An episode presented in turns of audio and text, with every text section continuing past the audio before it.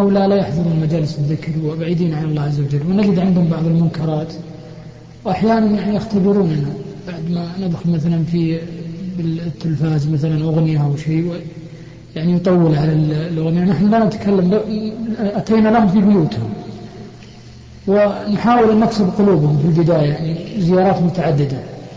وجدنا حسب التجارب أنه إذا يعني بدأناهم بإنكار المنكر يجفلون منا. ولا يعني يجالسون. ولكن بفضل الله عز وجل بعضهم يعني بدأنا نصبر ولكن يعني نصبر على نظير يعني ما نستطيع يعني أحيانا تسمع المنكرات.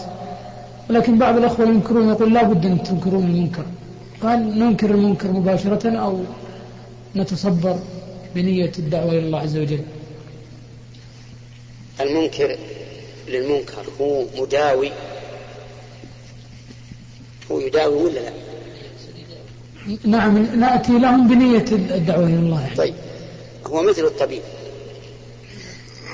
لو أن الطبيب أتى على الجرح وشقه على طول ليستخرج ما فيه فربما يتولد ضرر أكبر.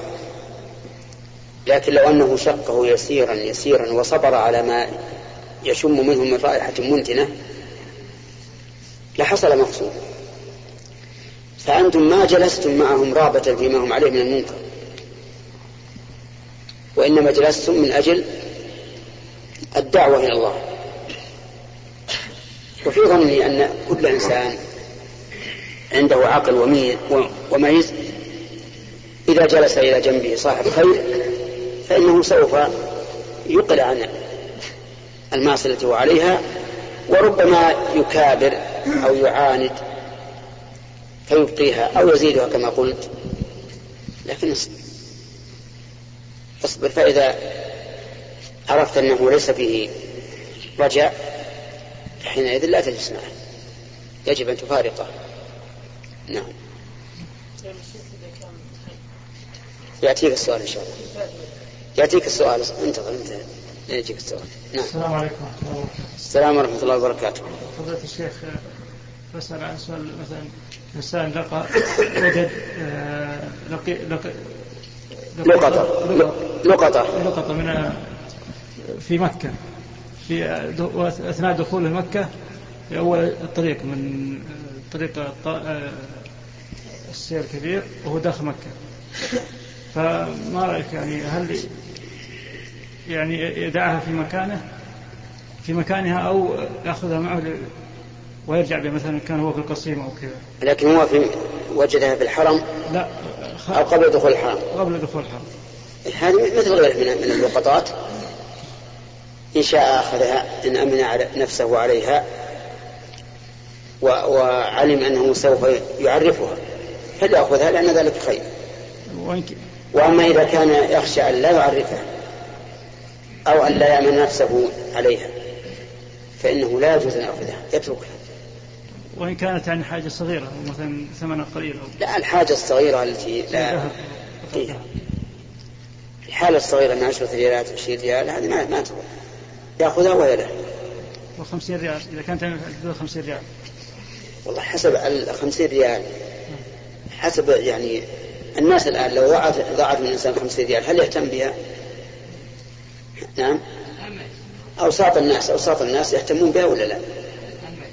الظاهر ما بها الشيء الذي لا يهتم به ولا يعني يظن أن صاحبه يرجع يبحث عنه هذا يملك بمجرد الاتقاء السلام عليكم. السلام. بسم الله الرحمن الرحيم. فضيلة الشيخ السلام عليكم ورحمة الله. السلام ورحمة الله. إذا توضأ إنسان ثم لبس الشراب وبعد أن مسح عليها احتاج إلى شراب آخر فلبسه. وكذلك العكس هل يمسح عليه؟ على الشراب الثاني؟ وكذلك العكس إذا كان عليه جوارب أو شراب آه، اثنين آه، على بعضها. فاحتاج إلى نزع أحدهما. فكيف يكون البناء على المسح؟ أما المسألة الأولى إذا احتاج أن يلبس زيادة ولبس الزيادة على طهارة فلا بأس فلا بأس ويمسح عليها لكن يعتبر المدة من المسح الأول. فلو مضى مثلا يوم وبقي ليلة على المقيم فلبس فوق الأول على طهارة فإنه لا يمسح الثاني إلا بقية الليلة فقط. أما العكس إذا مسح الأعلى ثم أراد أن يخفف وخلعه فإنه لا يتوضأ حتى يخلع الثاني. لأنه خلع الممسوح وإذا خلع وإذا خلع الممسوح بطل المسح نعم.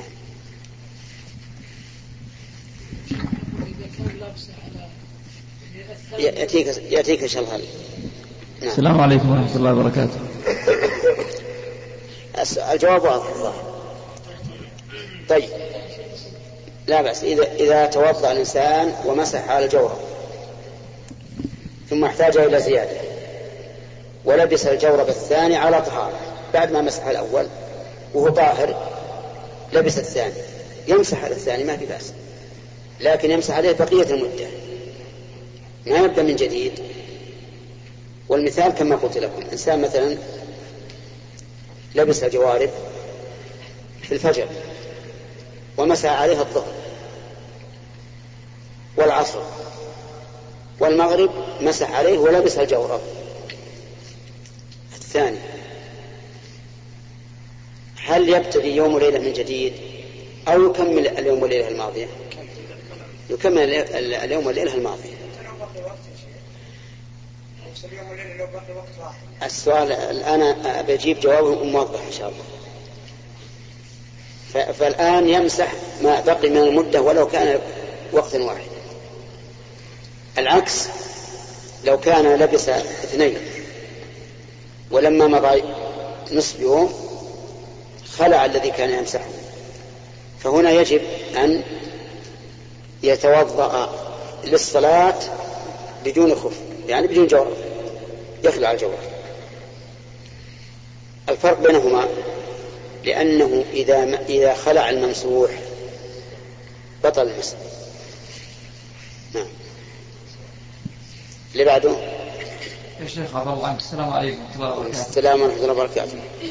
آه، ما صحة هذا الحديث؟ قول صلى الله عليه وسلم من أحصى أسماء الله الحسنى دخل الجنة. وكيف يحصيها؟ وكيف يدخل بها الجنة؟ نعم. قال النبي عليه الصلاة والسلام إن الله تسعة وتسعين اسما من أحصاها دخل الجنة. هذا ثبت في البخاري وغيره. ومعنى إحصائها. أن يعرفها لفظا ومعنى ويتعبد لله بها. ليس إحصاءها أن تغيبها فقط لابد أن تحفظها وتعرف معناها وتتعبد الله بها أي بما تقتضيه بما تقتضيه هذه الأسماء. فمثلا إذا علمت أن الله غفور فإنك تتعرض للمغفرة تستغفر تفعل العبادات التي تكون سببا لغفران الذنوب. إذا علمت بأن الله سبحانه وتعالى عليم فإنك لا تخفي عليه شيئا. لا تظلم شيئا يغضبه لأنه, لأنه علم بك.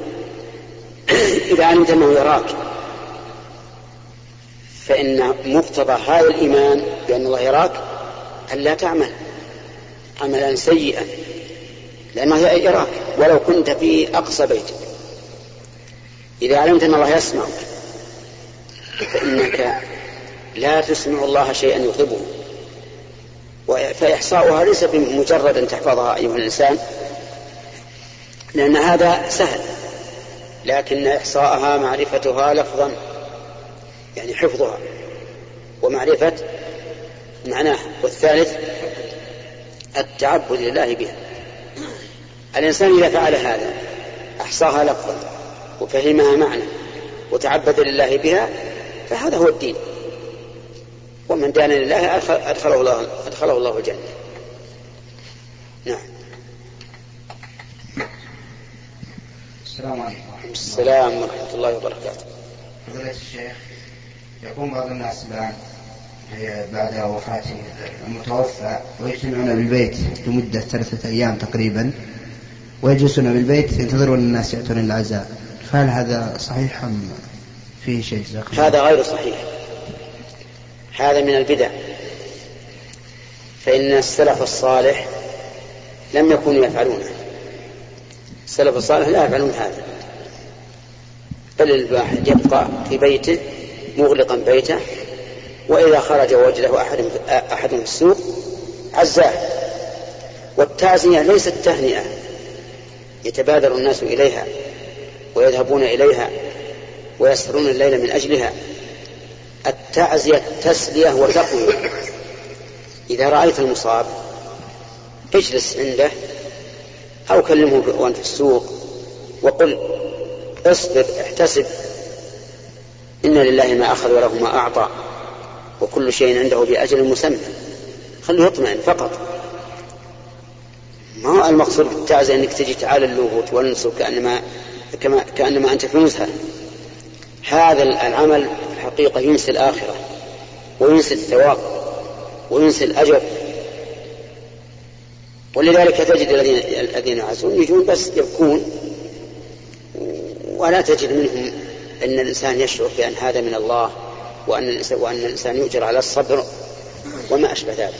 بس يجون عشان يونسون صاحبهم فقط. نعم. السلام عليكم ورحمة الله. السلام ورحمة الشيخ بعد دفن الميت الحديث يقول يبقى قدر ما يذبح الجزور. ما أدري ما هذا هذا بارك الله فيك أوصى به عمرو بن العاص رضي الله عنه. لكنه لا يوافق عليه.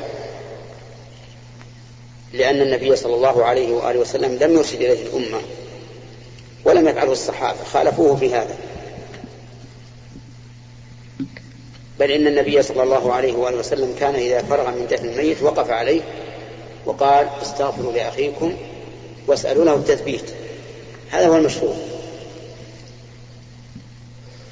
فيقول يقف على القبر ويقول اللهم ثبت اللهم ثبت اللهم ثبت اللهم اغفر له اللهم اغفر له اللهم اغفر له ثم يصل نعم. أما المكث عنده فليس بمشروع.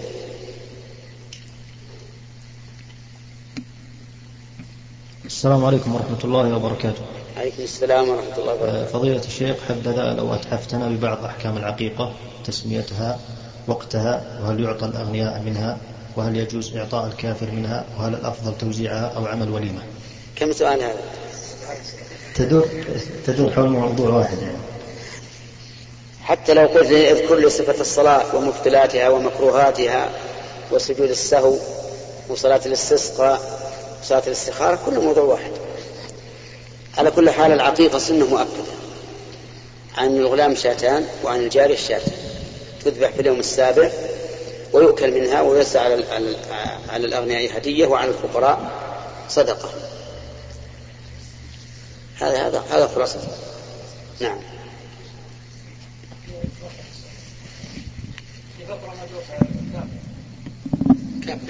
الكافر يتصدق منها عليه إذا كان لا لا, لا إذا كان لا ينال المسلمين منه ضرر. لا منه ولا من قومه. لقوله تعالى لا ينهاكم الله عن الذين لم يقاتلوكم في الدين ولم يخرجوكم من دياركم أن تبروهم. يعني ما ينهاكم ما ينهاكم عن برهم برهم تصدقوا عليهم ما في مانع. أن تبروهم وتقسطوا إليهم. فالبر إحسان والقسط عدل. إن إن الله يحب المقسطين. نعم. فضيلة الشيخ. بعض الناس يتورع أن يصلي أمام الدفاية. أن يصلي صحيح. أن يصلي إيش؟ أمام الدفاية المدفئة أمامه ولا والدفاية أمامه؟ والمدفئة أمامه أي سي. الصحيح أنه لا لا لا بأس بذلك وما علمنا أن أحدا كرهه من أهل العلم إنما كره بعض العلماء استقبال النار التي تتوهج ولها لهب وعللوا كراهتهم لذلك بأنه بأن وقوفه بين يدي النار يشبه وقوف المجوس الذين يعبدون يعبدون النار. فأما هذه الدفايات فإنها ليست كنار المجوس. ولو قلنا بهذا لقلنا حتى النجفات لا لا لا تضعها في الجدار القبلي من المسجد لأنها نار. وما زال أيضا علماؤنا نذكر أنهم يأتون بالمباخر ويضعونها أمام الناس بين يدي الصفوف ثم إن المدافع هذه إنما تكون بين يدي المأمومين لا بين يدي الإمام. والإمام هو هو الذي يؤثر ما يكون بين يديه لو قلنا أن في هذا كراهة. لأن المأمومين تبع له ولهذا لا يشرع لهم اتخاذ السترة لأن الإمام سترته سترة لمن خلفه. نعم. المهم أنه ليس في النفس منها شيء ولا بأس بها. نعم. يا فضيلة الشيخ ما حكم الصلاة خلف إمام مراد ومسبل الله يهدينا. الصلاة خلف الإمام المرابي والمسبل صحيحة لكن حصل لك أن يؤمك متق صاحب تقوى فافعل وإلا فصلي خلف أي إنسان مصلي. فالصحابة رضي الله عنهم كانوا يصلون خلف الحجاج ابن يوسف الثقفي. والحجاج ابن يوسف الثقفي معروف بأنه ظالم قتال للنفوس. ومع هذا يصلون خلفه. كان ابن عمر وهو من أزهد الناس وأورع الناس كان يصلي خلفه. نعم. فضيلة الشيخ السلام عليكم ورحمة الله. السلام ورحمة الله. ما صحة الحديث الذي يقول اقرأوا يا سورة ياسين على موتاكم. وبعض الناس يقرؤون عن قبر. اقرأوا على موتاكم ياسين. الحديث هذا ضعيف فيه شيء من الضعف. ومحل القراءة إذا صح الحديث محلها عند الموت. إذا أخذه النزع فإنه يقرأ عليه سورة ياسين. قال أهل العلم وفيها فائدة. وهي تسهيل خروج خروج الروح. لأن فيها قوله لأن فيها قوله تعالى قيل ادخل الجنة. قال يا ليت قومي يعلمون بما غفر لي ربي وجعلني من المكرمين. فيقرأها عند المحتضر. هذا إن صح الحديث. وأما قراءتها على القبر فلا أصل له. نعم. السلام عليكم ورحمة الله وبركاته. السلام ورحمة الله وبركاته. فضيلة الشيخ عندنا أحد المحسنين قام ببناء مسجد وأقام إماما على حسابه لكن هذا الإمام لم يتمكن من جعله إماما رسمي. وهذا الإمام من حفظة كتاب الله ويعمل في الجماعة الخيرية عندنا ولما راجع أن يكون إماما رسمي في الأوقاف قالوا أنه لا يحصل الآن في هذا الوقت. ولكن هناك طريقة أنك تقدم باسم سعودي آخر فهل يجوز أن هذا العمل يعني يكون محل السعودي ويتفق فيما بينه على ما على ما يتفق وياه؟ يعني. وجزاك الله خير. أنا بسألك هل هذا كذب أو صدق؟ هذا كذب. نعم. هذا في الظاهر كذب يا شيخ. وفي الباطن؟ الباطن هذا يعني إذا كانت الجهات مسؤولة يعني عادي. هو هو كذب. هو كذب على على كل حال. والجهات المسؤولة التي قالت لك ظلمت نفسها وظلمتك وخانت الدولة. لأن الواجب على المسؤول أن يمشي على ما رسم له. وإذا كان لا يعجبه فلينبذه أمام المسؤول الذي فوقه. ويقول أنا لا أتحمل هذا. أنا بوظف كل إمام أصلح سواء من السعوديين أو من غيرهم. أما كونه يخادع ويكتب في المحاضر باسم سعودي والحقيقة أنه غير سعودي فهذا فيه خيانة للدولة وكذب وأكل, وأكل للمال بالباطل. نعم. فلا فلا يجوز ابدا إن الإنسان يتستر. فيكتب الوظيفة باسم غيره لأجل أن يأخذها هو. نعم. السلام عليكم ورحمة الله وبركاته. السلام ورحمة الله وبركاته. فضيلة الشيخ هناك بطاقات ائتمانية تصدرها بعض البنوك وشركات الصرافة هذه البطاقة يستفاد منها عند السفر للخارج يسدد بها حساب البنوك أو بعض المشتريات من الأسواق. فعندما تأتي الفواتير تخصم من حسابه في البنك أو الشركة أحيانا يكون رصيده لا يغطي فيبقى عليه مبالغ للبنك.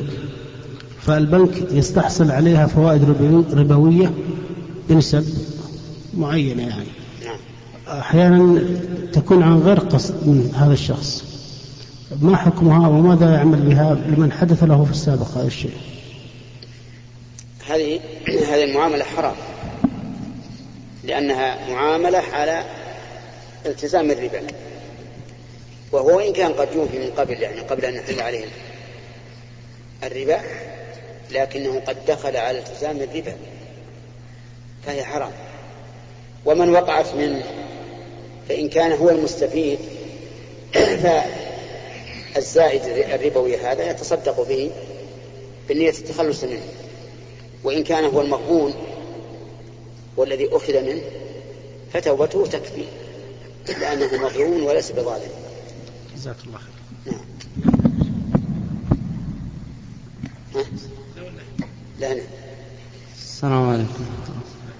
فضيلة الشيخ شاب كان يعني يعمل المعاصي كثير بعد أن يعني التزم وذهب إلى الدعوة يعني أخذت الشياطين تجاهده.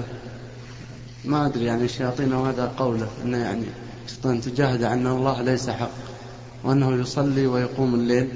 وبعض الأوقات يأم المساجد يأم المسجد في الحارة ولكن يدور دائما أن الله ليس حق وأن الرسول ليس حق وأن الصحابة قصص خرافية. ودائما يدور في فكره هذا الشيء. هل يعني يعاقب على هذا الفكر أو يعني هذا هذا وساوس بارك الله فيك. وساوس يلقيها الشيطان في قلوب أهل الإيمان. وقد جرى هذا للصحابة رضي الله عنهم. وجاءوا يشكون إلى النبي صلى الله عليه وآله وسلم. وقالوا إن أحدنا يجد في نفسه ما يحب أن يخر من السماء ولا يتكلم به أو ما يحب أن يكون حممة يعني فحمة مشوي ولا يتكلم به. فقال النبي صلى الله عليه وآله وسلم ذاك صريح الإيمان. يعني هذا الإيمان الخالص. يعني هذا علامة على الإيمان الخالص. لماذا؟ لأن الشيطان إذا رأى من, الإنسان إقبالا على الحق صرفه عنه بكل ما يستطيع. وإذا كان معرضا فقد كفي المؤونة. ما يأتي إليه يدخل عليه الوساوس هذه فكيف يتخلص منها؟ يتخلص منها طيب.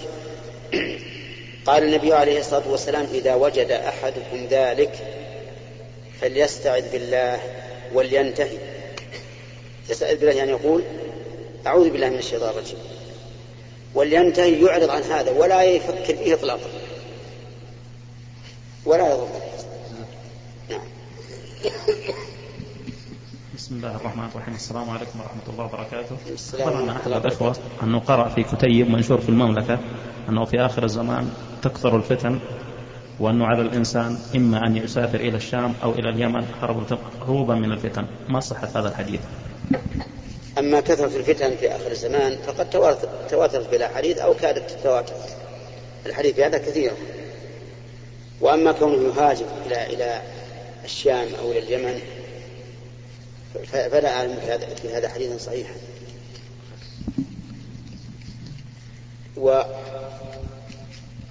من الفتن يكون بالخروج من المدن لقول النبي صلى الله عليه وآله وسلم يوشك أن يكون خير مال الرجل غنما أو خير مال الرجل غنم يتتبع بها شعف الجبال ومواقع ومواقع القطر. لما يرى من الفتن.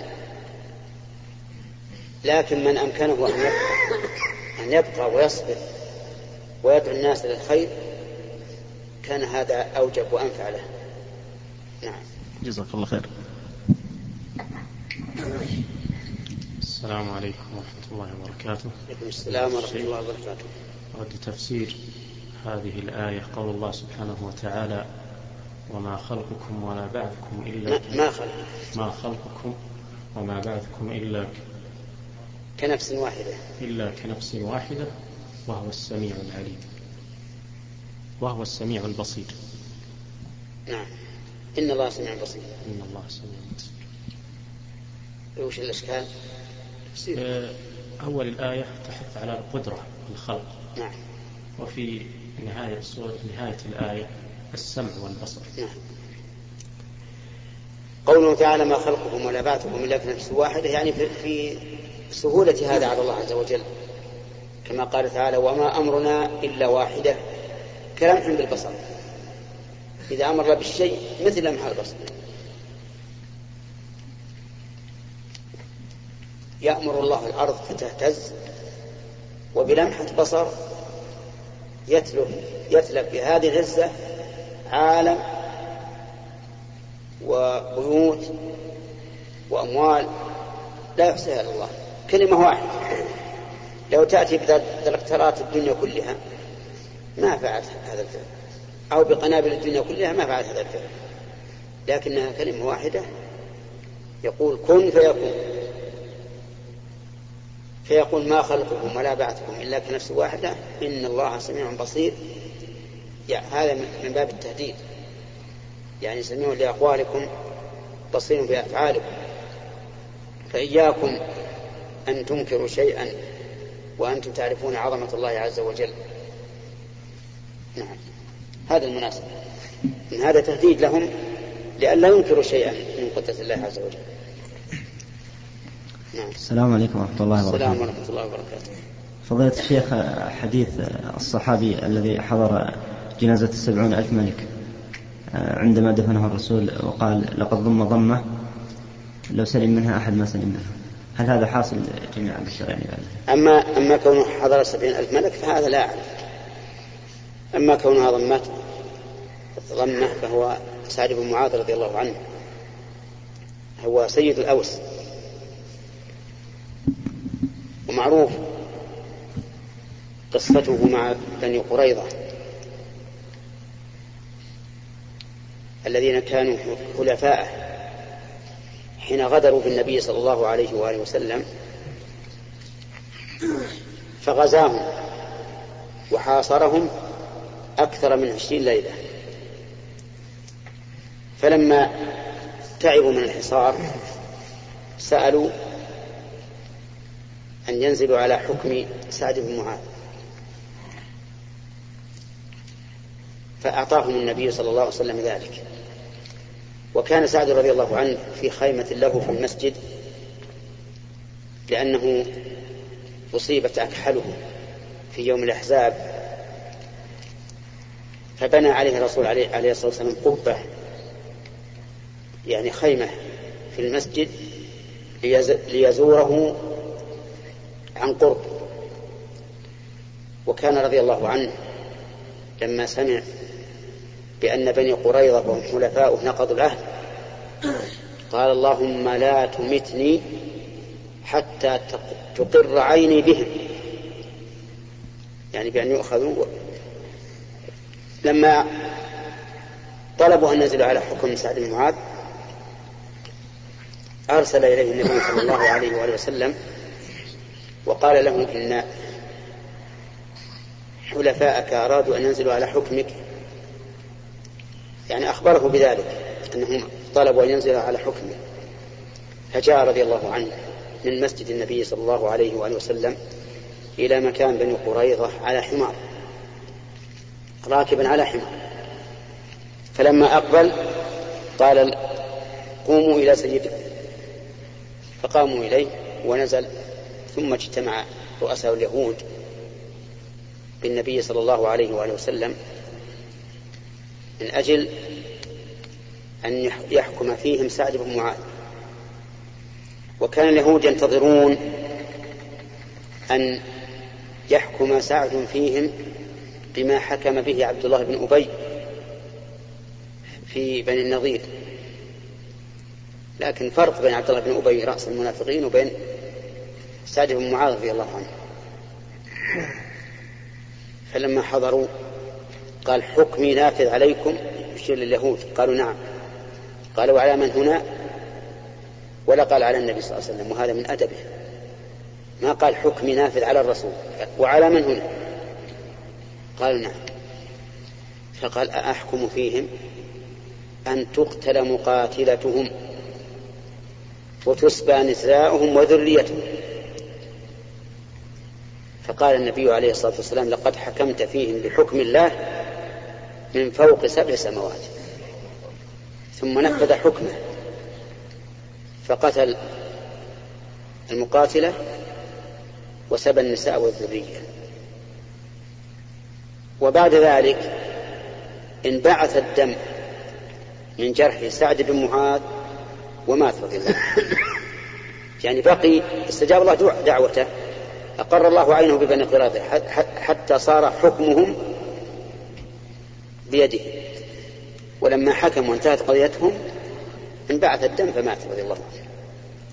ويذكر أن عرش الرب جل وعلا اهتز لموته. الله أكبر. وفي ذلك يقول حسان بن ثابت رضي الله عنه وما اهتز عرش الله من أجل هالك سمعنا به إلا لسعد أبي عمرو. رضي الله عنه. نعم. السلام عليكم. نعم. فضيلة.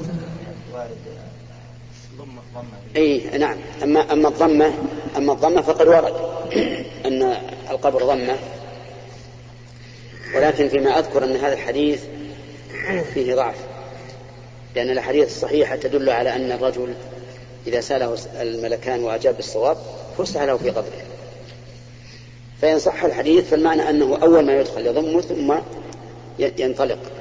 وقد ذكر أنه أن ضمة القبر للمؤمن كضمة الأم الرحيمة لولدها. يعني ما هو ضما يؤلم أو يؤذي؟ نعم. نسأل الله يجعلنا لكم من السعداء. نعم. السلام عليكم. فضيلة الشيخ. السلام ورحمة الله. فضيلة الشيخ رجل يدخل. في المسجد وفي الله يكرمك رجله روث نعم. ما حكم هذا؟ روث روث أي روث روث غنم حمار لا غنم غنم أنا سأعطيك قاعدة بارك الله فيك كل شيء يؤكل لحمه فروثه وبوله طاهر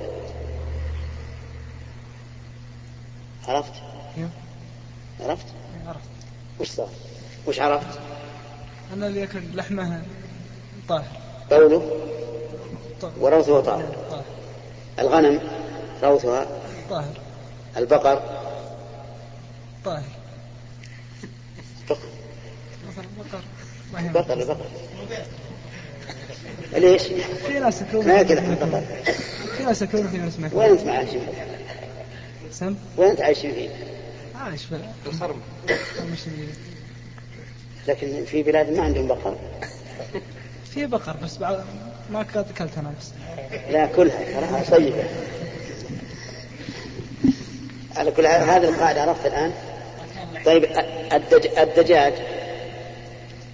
روثه إيش؟ هو؟ طاهر الإبل بعرها طاهر وأما النهي عن الصلاة في أعطان الإبل فهو مو لا من أجل النجاسة. لكن لأن أعطان الإبل غالبا تكون مأوى شياطين لأن الإبل خلقت من الشياطين.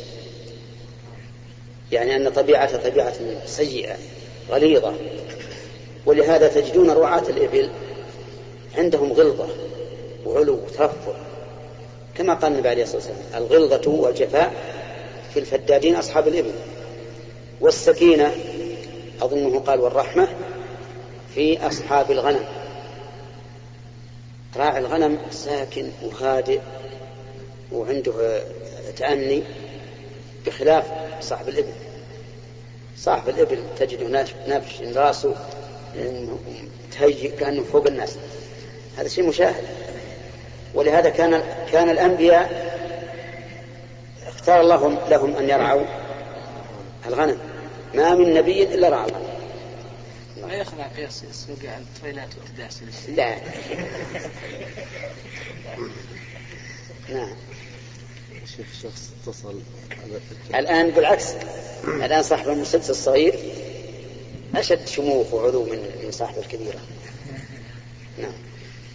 شيخ اتصل إنسان بالتلفون فقال أريد فلان. فذهب فوضع المسجل عند سماعة الهاتف. يقرأ قراءة قرآن إيه؟ ثم نادى فلان هل في إهانة قراءة قرآن ولا ما في؟ والله هذه يستعملها بعض الأخوة إذا زهمت عليه وقلت أريد فلانا أسمعك آية من القرآن حتى في بعض الجهات المسؤولة لكني أرى أن يجعل بدل ذلك شيء من الحكم والأمثال أو من أو حكم من الأحكام الشرعية. نعم. مثل مثلا يعني يجعل مثلا دخل رجل والنبي صلى الله عليه وسلم في المسجد فصلى بلا طمأنينة ثم جاء فسلم فقال ارجع فصلي فإنك لم تصلي. ومثل قوله عليه الصلاة والسلام لقد هممت أن آمر بالصلاة فتقام. يعني ما يجب من صلاة الجماعة هذا أحسن. لأن القرآن اولا ربما يكون الذي زهم عليك يتكرر هذا الشيء. يتكرر هذا الشيء ولا يطمئن له. أنا الحمد لله وإياكم نحب القرآن. لكن قد يكون بعض الناس ما يحب. يعني يستثقله وإن كان ما يكره كراهة قلبية لكن يستثقله. أو يقول شل مثلا آه، الرجال هذا يبي يلزمنا مثلا نستمع ثم يغلق السماعة أو يبقى على مضض. والحمد لله إذا جبت أحكام ولا حكم رأس العلم مخافة الله أو رأس الحكمة مخافة الله أو ما أشبه ذلك. طيب. هذا الأول يعني. هذا الأول نعم. هذا إي هذه هذه نعم صحيح. بعضهم يجعل موسيقى يدعون إن هذا في, في نفس السنتران. إي نعم. لكن لو شاءوا غيروه أو أنا أجبتك على هذا وأن كنت لا تستحق لكن أنا كانت في نفسي لكن نسيته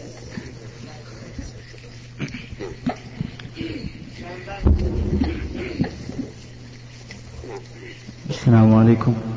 السلام فضيلة الشيخ أنا من محبيكم في الله. آه، أحبك الله اللي فيه آه، علما بأني من أهل السنة من إيران. آه من أهل السنة من إيران. من السنيين من إيران طالب في الجامعة الإسلامية. جئنا البارحة مع واحد أخ من طلاب الجامعة نريد منكم أن تسمع منا بعض الأخبار وأحوال السنة. ونريد منكم أن تعطينا فرصة حتى نتكلم معكم. أنا قلت له يصلي مع العصر اليوم إن شاء الله نجلس إن شاء الله. جزاكم الله خير. السلام عليكم ورحمة الله وبركاته. السلام ورحمة الله وبركاته. نجد الآن في الأسواق يا شيخ بعض الكتيبات تنتشر بعض الكتيبات الصغيرة فيها قصص وهذه من كثر نوعها كثرة القصص في المكتبات. فما أجد يا شيخ يعني هل هذه يعني القصص صحيحة وإذا كانت يعني ما بصحيحة وش حكمها؟ والله يا محب مع الأسف أن أهل المطابع الآن اتخذوا أو بعضهم طباعة هذه الكتب تجارة تجارة ولهذا تجدهم